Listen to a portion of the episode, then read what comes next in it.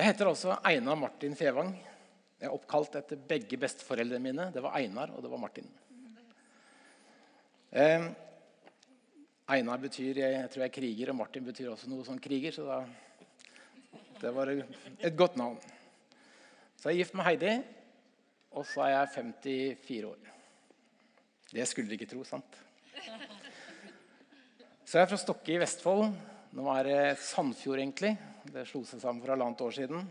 Tønsberg var barndomsbyen. Der gikk jeg på gymnas til jeg flytta hjemmefra da jeg var 18-19. Jeg har fått eh, fem gutter. Eh, tre gutter har jeg her, og to er hjemme hos Jesus. Jeg kom til IMI første gangen i 1984-85. Da begynte jeg på Misjonshøgskolen. Og den IMI har vært hjemmet for meg, og det har blitt bare sterkere og sterkere de, eh, opp igjennom. Um, det var en liten periode vi var litt borte, og så var jeg tilbake igjen. Det har vært et godt hjem å være i, og det, vi øver oss på å være hjem her for hverandre. Um, vi har fokus på det. Og jeg har fått og får merke at det er et godt hjem å være i. Jeg ble ordinert misjonsprest på Madagaskar i 1991. Og I sommer har jeg faktisk lest, eh, lest eh, misjonshistorie nettopp fra alle misjonærene som reiste fra Stavanger og ut. Det har ikke vært få på 1800-1900-tallet. Det er mange titalls misjonærer som har reist ut fra hundretalls. egentlig. Så det, ganske, det, var en spennende historie å lese nå i sommer. Jeg har ikke lest det før, eh, og det er mye jeg kan lese om det. Nå ble det ikke Madagaskar. Jeg var plassert på et evangelistteam så langt jeg husker jeg ble fortalt. Eh, jeg jobber i helsevesenet eh, med mennesker som sliter tungt. Og så har vi 12,5 times vakter eh, på dagtid, og det er veldig bra for meg. For da får jeg masse tid til å bruke på det jeg opplever Gud har kalt meg spesifikt til. Så jeg opplever meg litt som sånn Paulus. Han drev også med noe på si. Og så er det 100% verdifullt å være medmenneske i helsevesenet. Jeg ble ikke bussmisjonær på Madagaskar, men jeg ble litt sånn bussmisjonær nede i byen. Vi har en buss nede i byen eh, som mange kjenner til, og mange er med og ber, ber om. For å dele Jesus nede i byen. Og det er, eh, Visjonen for bussen er å smake og se at Herren er god. Og det er mange som vi opplever for å smake og kjenne at han er god. Mange gir uttrykk for at det er godt å komme der og være der. Og vi får be for mange. Um, og så er det mange, kanskje 100-200 mennesker som er med og ber. Og enda flere, gjerne. Og det merker vi når vi er ute i byen. Her fra menigheten og ellers. Jeg får være med profetisk på, på helbredelsesrommet på lørdagene. Um, jeg er med i profetisk cellegruppe med Norun. Vi øver oss til å lytte til Gud. Ehm, jeg tror på Jesus Kristus, at han har stått opp igjen, at han lever i dag. Jeg tror på Gud, eh, min far. Han, jeg tror han er en pappa-gud. Abba, sa Jesus på hebraisk, er det så å si lik pappa.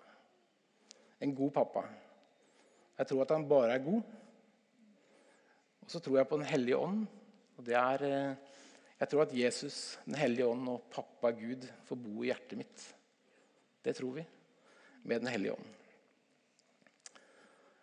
Jeg er en helt normal mann. Så tror jeg. Så jeg har valgt å tro på det. Jeg søkte en gang på kjemiingeniør, eh, men jeg visste at det skulle jeg ikke. Men jeg gjorde det likevel. Jeg, jeg, sleit litt med å søke på en sånn skole som lager misjonærer. Men, eh, men, i kjemien, som var veldig kjekt, så hjelper den med å tro på Gud. Skaperverket hjelper meg å tro på Gud. Det er så utrolig fantastisk. Ta det periodiske systemet i kjemien. Er, det er utrolig flott. Det hjelper, det jekker troa mi, pleier jeg å si når vi er ute på byen. Og så er det noe annet som jekker troa mi. Det er når vi ser helbredelse skjer. Eh, når Adrian ble frisk, og når eh, Jeg fikk be for en gutt som hadde en skateskade i kneet. Og så forsvant det samme kvelden. Han hadde hatt det lenge. Det jekker troa mi. Og det er Jesus som gjør det. Så både skapverket og underet og tegn som vi får se, jekker troa mi. Så tenkte jeg hovedtalen, eller hovedfokuset nå i, eller det jeg ville dele i kveld, det var at Gud taler.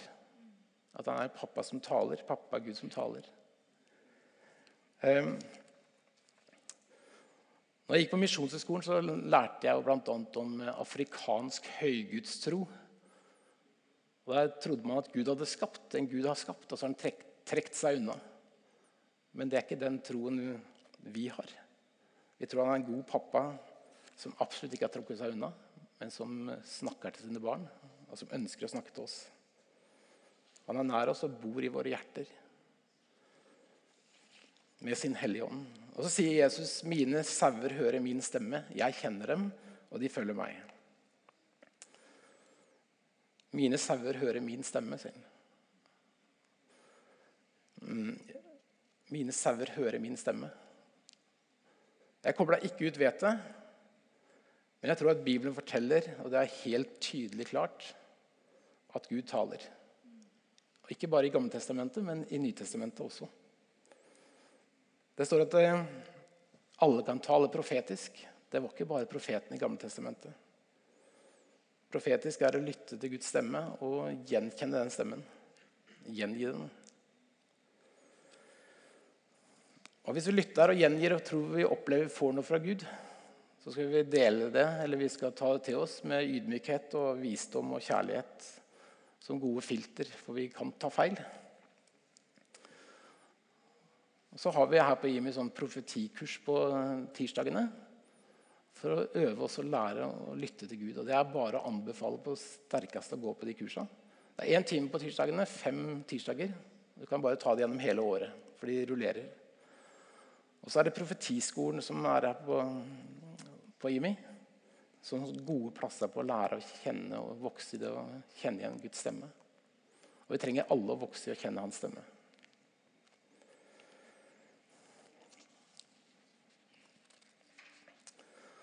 Og så er det å kjenne Guds stemme det skulle være helt naturlig for alle Guds barn. Naturlig, overnaturlig.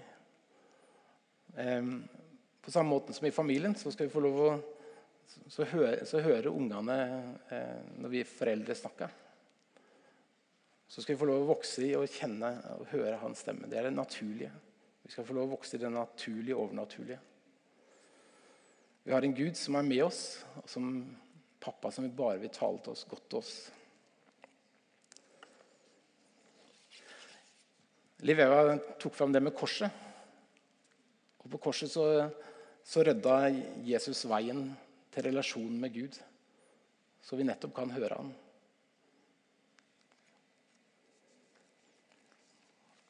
Så tenkte jeg på det profetiske.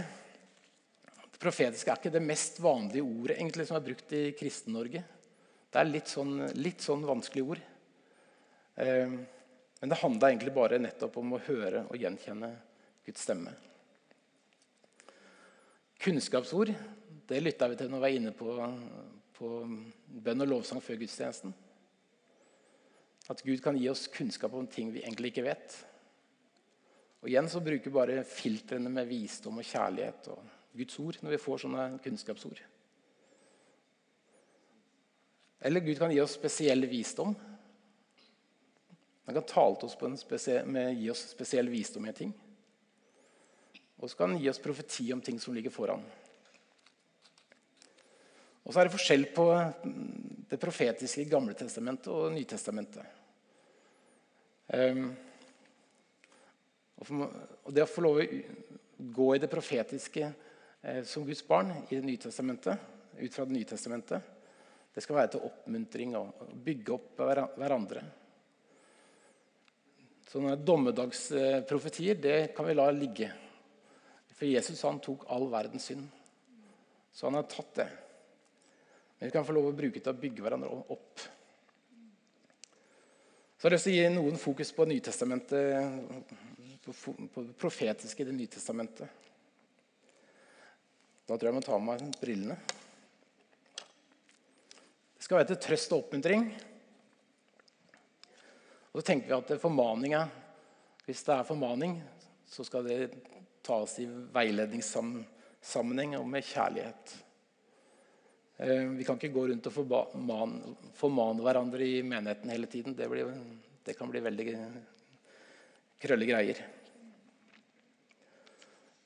Um, Paulus sier i Nytestamentet om det profetiske For dere kan alle tale profetisk, men én om gangen. Dere kan alle tale profetisk. Så sier han, slukk ikke ånden, forakt ikke profetordet. Men prøv alt og hold fast på det gode. Så forakt ikke profetordet. La oss ta det til oss og prøve det. Paulus sier også tydelig at Den hellige ånd vitna til ham i by etter by og varslet om lenker og forfølgelse som skulle komme. Dette var i Nytestamentet. Sånn står det. Og nå drar jeg til Jerusalem bundet av Ånden. Hva som skal møte meg der, vet jeg ikke, men Den hellige ånd vitner for meg i by etter by og varslet om lenker og forfølgelse som venter på meg. Og Da tror jeg ikke Paulus leste i Gamle Testamentet, i de gamle skrifter, når han fikk det. Men det var, han ble, Den hellige ånd åpenbarte for ham på forskjellig vis. Det står om Agabos, som var en profet i Det nye testamentet, som delte med Paulus om disse tingene. Han oppsøkte oss og tok beltet til Paulus, og med det bandt han hendene og føttene sine. Så sa han, 'Dette sier Den hellige ånd.' Slik skal jødene i Jerusalem binde den mannen som eier dette beltet, og utlevere ham til hedningene. Så Paulus fikk et tydelig profetisk budskap. Så står det om Ananias, som eh, bodde i Damaskus. Og Så fikk han et syn om at han skulle gå bort til den gata som kalles Den rette. Til huset til Judas. Så skal du spørre etter Saulus fra Tarsus for å se han ber. Ananias leste heller ikke i Det gamle testamentet for å få greie på dette. Men det var Den hellige ånd som gav han det et syn i Det nye testamentet. Og Så står det om Paulus at han om natten så fikk han et syn og så en makedonier som sto og kalte på ham og ba, 'Kom over til Makedonia og hjelp oss'. Så Gud han talte kjempetydelig. Ikke bare til profeten i Gammeltestamentet, men i Det nye testamentet og til oss. Han ønsker bare å tale til oss. Og I 1. Korinterbrev 14 så står det, og Paulus er kjempesterk i uttalelsene sine Jag etter kjærligheten, det er det første. Så alt skal være grunnlagt og ha fundament i kjærligheten. Søk åndsgavene med iver, særlig det å tale profetisk. Og så står det også at Han sier at det er for å bygge opp menigheten når han skal tale profetisk. Og Det står også at eh, enhver profet har herredømme over sin profetånd. Det er ord som har stått der i 2000 år snart, og som vi ikke har snakka veldig mye om i den norske kristen, kristenheten. Men eh, det står 'slukk ikke ånden, forakt ikke profetordet', men prøv alt og hold fast på det gode'. Altså, søk åndsgavene med særlig det å tale profetisk.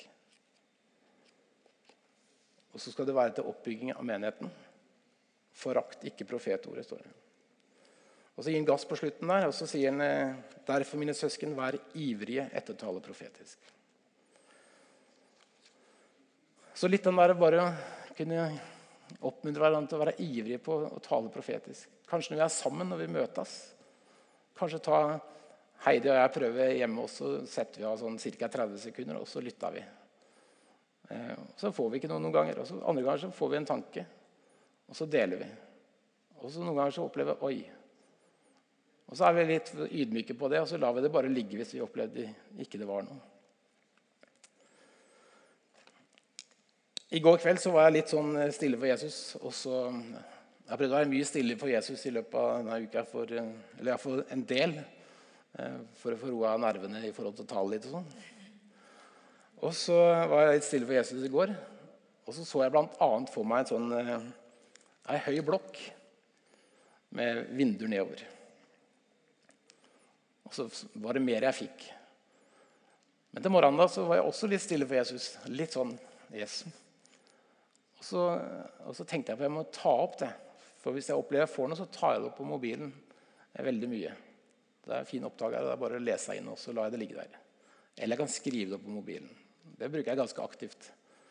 Um, og så var jeg stille for Jesus til morgenen da, satt på lovsangsmusikk, og så, og så tenkte jeg plutselig på at jeg må ta opp det jeg så i går. Og så Etterpå så ser jeg på den lovsangsmusikken, eh, den coveret på den plata, som jeg hørte på akkurat når jeg kom til å tenke på det igjen. Og så er det bilde av ei høyblokk på sida som var veldig mye lik den jeg fikk i går kveld. Da ble det en sånn der, Oi. Det ble en sånn timinggreie for meg. Um, uten å si mer hva det var, men, men, Gud, sånn tror jeg Gud kan tale.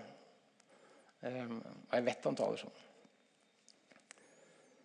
Og det er noe med å bare bruke tid på det og notere litt, eh, kanskje. Eller ta opp og prøve å se etter hva Gud sier øve seg å vokse i det. Før i tida, når jeg vokste opp når jeg var ungdom, så, så var det husmøte hjemme i bygda, faktisk. Og så var det, var det talen, og så var det eh, god mat, og så var det vitnemøte etterpå. Og så husker jeg Søndagsskolelæreren min reiste seg og så sa han, jeg tror jeg blitt, har blitt minna om og så delte han det han trodde hadde blitt minnet om. Og det er akkurat det samme. Det var litt beskjeden for å bruke ordet profetisk, tror jeg. Men han delte. Eh, min bestefar Einar, som jeg nevnte i starten, han, eh, jeg fikk en bok etter han. For bare noen år siden så kom, dukka den opp. Eh, som han hadde fått eh, når han var 60-70 år. eller noe sånt. Og Det var om Einar Lundby. Det var en kar som en doktor som eh, starta Sjelesorgsenteret på Modum. Og Hvis dere finner ei bok om han og leser om han, så gikk han masse på opplevelser av hva han fikk av Gud. Det er sterke historier. Han eh, opplevde han skulle ut i, gå ut i skogen og synge ei salme. Det var liksom rimelig absurd. Da. Det var jo ikke noe, hvis du sjekka det med visdom, så var det jo ikke noe skade skjedd om du gjorde sånt. Men det som skjedde var at ute der lå det en, eh, en kriminell som hadde rømt eller et eller annet.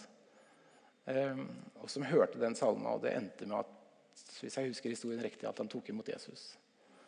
En veldig spesiell historie, men ikke mer spesiell enn at han gikk på det han opplevde. Eh, det var profetisk. Når jeg leste den misjonshistorien i forhold til Madagaskar og sånn. Og sånne skip som eh, frakta misjonærer. Eh, så var det ei dame som heter Louise Olsen i Bergen i 1864 eller noe sånt. Eller slutten av 50-tallet, var det vel. Så hadde hun likt, eh, ligget hele natta og tenkt på at, hun skulle bygge, at det skulle bygd et misjonsskip for å frakte misjonærene ut til Madagaskar og Sør-Afrika. og sånn. Så slapp de å seile på sånne vanlige, ordinære seilskuter. For det tok jo to-tre måneder å komme ned der. Ehm, så jeg ligget og tenkt på det hele natta. Og så viser det seg at det her var før Facebook-tida. Den dagen så kom det et misjonsblad fra, fra, England hvor det står beskrevet et sånn misjonsskip. Og På det grunnlaget så blir det satt i gang eh, innsamling, og det ble bygd et sånt skip. Profetisk, eller et syn. Gud talte. Det er helt naturlig, overnaturlig for Guds barn å høre hans stemme. Helt naturlig overnaturlig. Vi må bare fortsette å øve oss i å trene oss og lytte. Og så kanskje vi skal strekke oss litt på, tror jeg. Ehm, Øystein kom bort og delte noe til meg på bønnemøtet i stad. Det trengte jeg. Ehm, Bjørn kom og delte noe, og det trengte jeg. At vi bare tør kanskje mer å bryte litt den. Jeg fikk en tanke, og deler det bare. Så bruker vi bare visdom og kjærlighet og, og Guds ord på, som filtre. For han bor i våre hjerter. Faderen, Sønnen, Den hellige ånd bor i våre hjerter, og han taler til oss. Mine barn hører min stemme. Hans sauer hører, hører, stemmen hans. Vi er hans eh, hans barn og få lov å høre han tale. Vi kan vokse i det. Eh, I sin tid så var jeg med eh, min lærer på Misjonshøgskolen, Ove Konrad Hansen. Han var, hørte det Imi-kirken. Han tok oss med til hadde flere reiser til England. Og så besøkte vi bl.a. Bruce Collins, som var her i våres også, som er en venn av Imi-kirka. Så husker jeg den gangen at Bruce Collins snakka om det å høre Guds stemme. Og hvordan det var å vokse i det. Og så snakka han om at det var som et lite barn som hørte mors stemme, men ikke greide å gjengi det. Og etter hvert, så, etter hvert som barnet vokste, så klarte barnet å gjengi stemmen til mor. At på samme måten eh, det å lytte til Gud, øve oss på å lytte til Han, så vi igjen kan gjengi hva Han sier til oss. For det er naturlig å vokse i kjennskap til Gud. Eh, det er det naturlige. Det er naturlig overnaturlig for den som tror, å høre Hans stemme. Og så skal vi ikke gjøre det så vanskelig. Det kan være, og det er veldig ofte bare en tanke. Eller noen tanker. Og igjen øve oss til kanskje skrive den ned eller ta det opp. Og så lar vi det ligge, og hvis det plutselig smeller til, så er det veldig kjekt. da. Jeg har lyst til å dele et vitnesbyrd. Et, eh, hvordan det profetiske ordet har, har gått inn i mitt liv. Og ta for meg et spesielt vitnesbyrd som er litt kraftig for meg, og som, ja, som egentlig er veldig kraftig for meg. Det var på Åpen himmel-konferansen her i IMI i 2014, på høsten. Eh, og så var det noe Martin sa for ikke så lenge siden om å være på de stedene hvor det er åpenbaring. Hvor Gud bringer åpenbaring. Og det her var på bønnemøte på åpen himmel. Og så kommer ei bort til meg. Nå vet jeg ikke om hun er her i dag, men og så sier hun til meg ehm, jeg tror jeg ser for meg en jordklode i handa, handa di. Um, ok. Liksom, jeg ser for meg en jordklode i handa di. Men så jeg, så var det et, et seminar på den åpen himmel-saken som het 'Å drømme nasjonene frelst'. Det var jo også et litt spesielt eh, seminar, tenkte jeg. Men da kunne jeg, når jeg fikk den bildet med den jordkoden, så kunne jeg jo gå på det seminaret. Da. Så jeg valgte å gå på det seminaret og drømme nasjonene frelst. Og Jeg visste ikke hvem som skulle ha det. Før, rett før så tenkte jeg oi, det er jo Terje og Kjartan som skal ha det. Det er jo Asia. Og Jeg hadde ingen tanker om å reise til Asia. Det var ikke mitt i hele tatt. Men jeg gikk nå inn på det. Men det var sånn, jeg hadde ingen fokus på det på forhånd. At jeg skulle til noe, noe fokus på Asia. Um, gikk på seminaret og, og fikk veldig sånn fokus på at jeg burde melde meg på en sånn eh, som Liv Eva snakka om i stad. Den gode evangeliseringsaksjonen. Som vi også så vel fra i Kambodsja på nyåret 2015. Da kan vi ta på bildet Skal vi se Vent litt. Du fikk det? Bare vent, ta det av litt igjen. Men den dama som eh, ga meg det bildet med jordkloden, hun, hun eh, kom til meg seinere med en jordklode. Så den har jeg stående på bordet hjemme. Eh, for etter hvert jeg hadde vært på det seminaret, så tenker jeg jeg må melde meg på den aksjonen. da. Og prøver å melde meg på. Og er vel sånn at jeg får ikke til. Det er noe som blokkerer på den PC-en. Så jeg er oppe og snakker med Terje. Ehm, og når vi er ferdige å snakke sammen, så går vi ut i gangen oppe på IMI, og da kommer det bildet. Så står vi bare ute i gangen, og så, så sier jeg bare til Terje Jeg må ta et bilde av deg. Så vet ikke, vet ikke om du kan se, men rett til venstre for øra til Terje så er det en jordklode inne på kontoret til Stiv. Ja. Ok. Jeg tok iallfall bildet, for det, det var liksom jordklode. Ok, av med det bildet igjen. Eh, etterpå det så fikk jeg meldt meg på. Jeg begynte å tenke på at jeg kan hende jeg går glipp av noe hvis ikke jeg får meldt meg på. For jeg, jeg tenkte når jeg sleit med å melde meg på, at, eh, at eh, jeg kan jo prøve en gang seinere. Bør ikke være med på den turen her. Men jeg begynte å tenke at jeg kan gå glipp av noe. Så fikk jeg meldt meg på, og så var jeg oppe på IME en gang til. Og så var jeg inne hos Irene Cave og, og så sa jeg til henne blant annet, at jeg har meldt meg nå på Godhets- og evangeliseringsorganisasjonen til Kambodsja. Da er det bilde nummer to. Og så jeg snakka med Irene, og så gikk jeg og tenkte nei, jeg må gå tilbake. Og så gikk jeg og spurte kan jeg ta et bilde av det. Og så rett til venstre for armen til Irene så er det en jordklode som ligger på, står på gulvet der.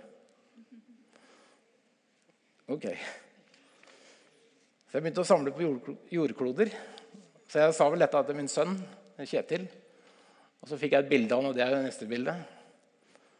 Han var ute og gått tur med bikkja eh, ikke så lenge etterpå. Og så var det et par butikkvinduer nedenfor der de bodde i byen.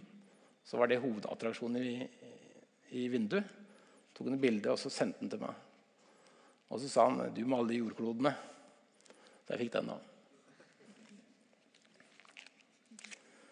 Eh, kan få lov til å ta den av igjen, ja. Og så Ca. ei uke før en godhetsevangeliseringsjon i, i februar i 2015. Så var jeg nede i byen på, en, eh, på NB Sørensen, hvis ikke jeg tar feil. Så satt jeg bare ned på restauranten der, og så, og så neste bilde. Det var ei uke før vi skulle reise. Og det er helt sant. Satt meg bare ned og tenkte Oi! Én jordklode, to jordkloder, tre jordkloder rett foran. Det var ei uke før vi skulle reise. Det,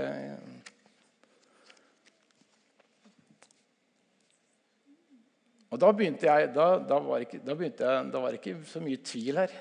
Da begynte det å blåse oss vekk. Um, og ikke nok med det, men dagen før jeg skulle reise til Kambodsja den gangen, i 2015, så er jeg inne på ei hjemmeside på Facebook eh, på James eh, Ja, ta på det bildet. Ta opp det bildet. Eh, det er en hjemmeside jeg ikke hadde vært inne på før, på Facebook. Jeg tror jeg knapt har vært inne der. Og så står det bilde av Jesus som holder jordkloden i hånda. At han, eh, at han eh, For Gud sendte ikke sin sønn for å dømme verden, men for å frelse verden. Det var dagen før skulle reise. Og Da ble det så mange jordkloder for meg at da, da, jeg ikke, da gidder jeg ikke tvile. Da tror jeg Gud taler. Og så blei det tidenes reise. Det blei sånn derre um, ble, vi fikk se at over 2000 som Liv Livevo snakka om i stad, at ting skjer i eh, Kambodsja. Og over 2000, kanskje 2200-300 mennesker som tok imot. Så når du slingrer deg på det, liksom 2200-300 eller noe sånt, så, Men det var det som skjedde. Så mange tok imot Jesus. Så det ble absolutt tidenes reise. Hun som delte med meg første gangen på bønne, bønnerommet hun var med på å sette det i gang. Og så valgte jeg sjøl å reise på det og gå på det. Det er mitt valg. Og jeg hadde lyst og kjente glede ved det. Men så stoppa ikke historien der. Den fortsetter. Så var det Impulskonferansen 2016. Så skulle vi eh, ha profetisk eh, lytte til Gud for lederne som var her på Impuls. Så fikk jeg være med å lede det. Og så var det seks-syv team som satt der og lytta. Og Så var det ett team som var ledig, og så tenkte jeg jeg setter meg ned og så jeg kan lytte til Gud for meg. Og Så lytta de, og så deler, da hadde jeg meldt meg på, på Godhets evangeliseringsaksjon også i 2016. og var allerede påmeldt da. Så fikk jeg det bildet som kommer nå. Eh, det var ei som har tegna jordkloden i Jesu hender igjen, i Guds hender.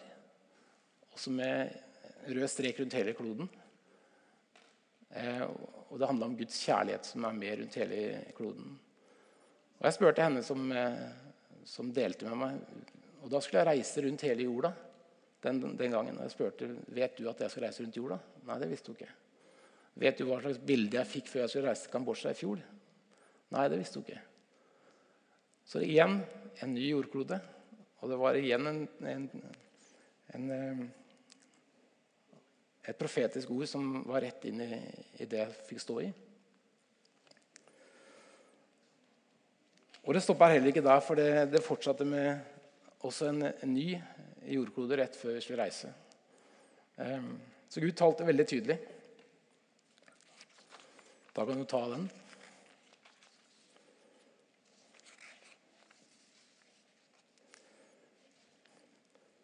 Så la oss bare øve oss på å tørre å dele Små eller store ting. Jeg så for meg jordblod i handa di. Og her ble det veldig sånn sterkt for meg. Fikk vokse i det. Så la oss bare fortsette å øve oss på det. For Gud taler i dag.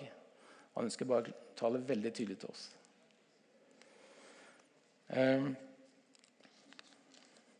Jeg valgte å gå på det, og jeg har fått lov å siden å reise til Asia en del ganger.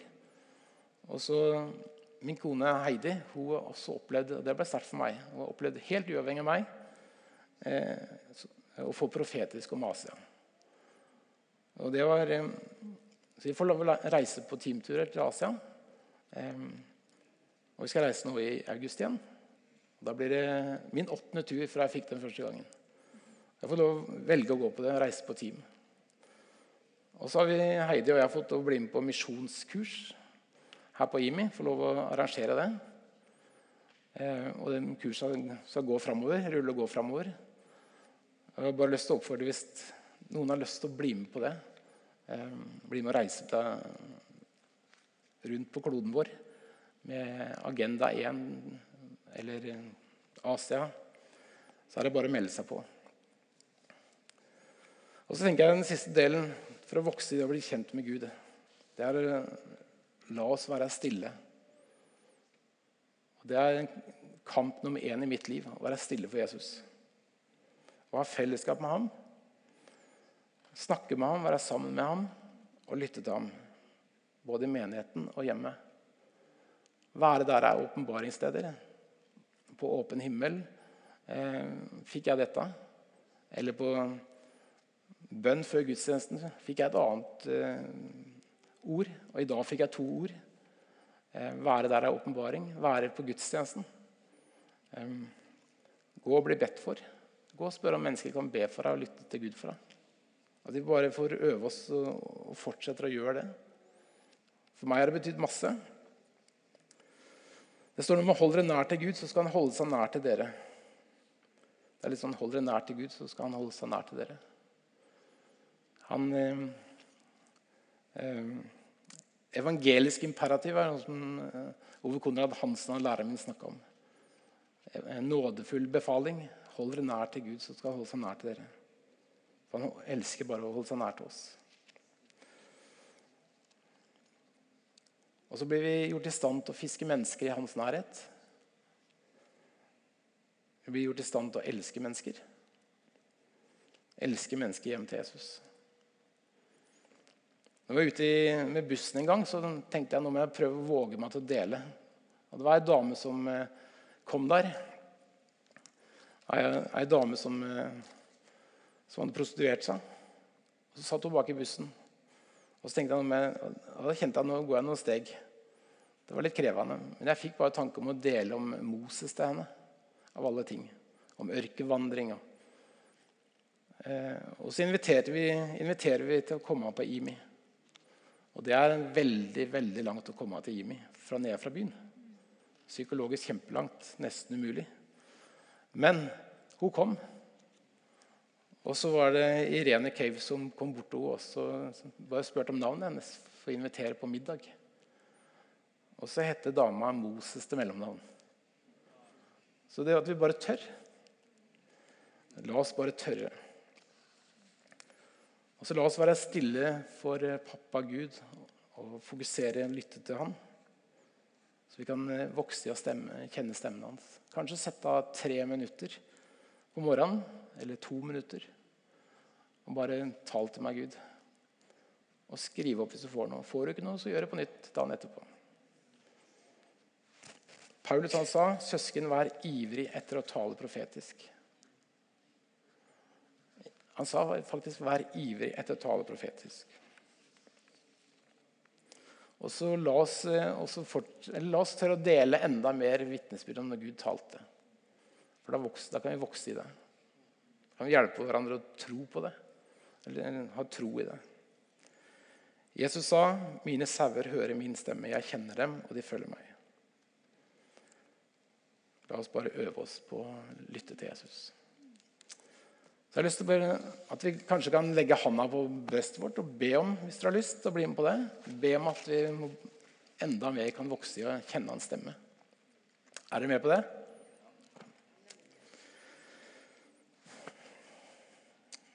Kjære pappa, jeg ber om at du bare forløser. Jeg vil bare forløse i, i ditt navn, Jesus. For du har åpna veien til relasjonen med pappa. Jeg bare ber om at vi lett kjenner igjen din stemme, vokser i å kjenne igjen din stemme. Og gi oss bare alltid visdom, bruke visdom og kjærlighet og ditt ord for å bedømme det. Fyll oss med din visdom. La oss eh, ta med oss og notere oss hva du sier til oss, Jesus. La oss gå på det. Amen.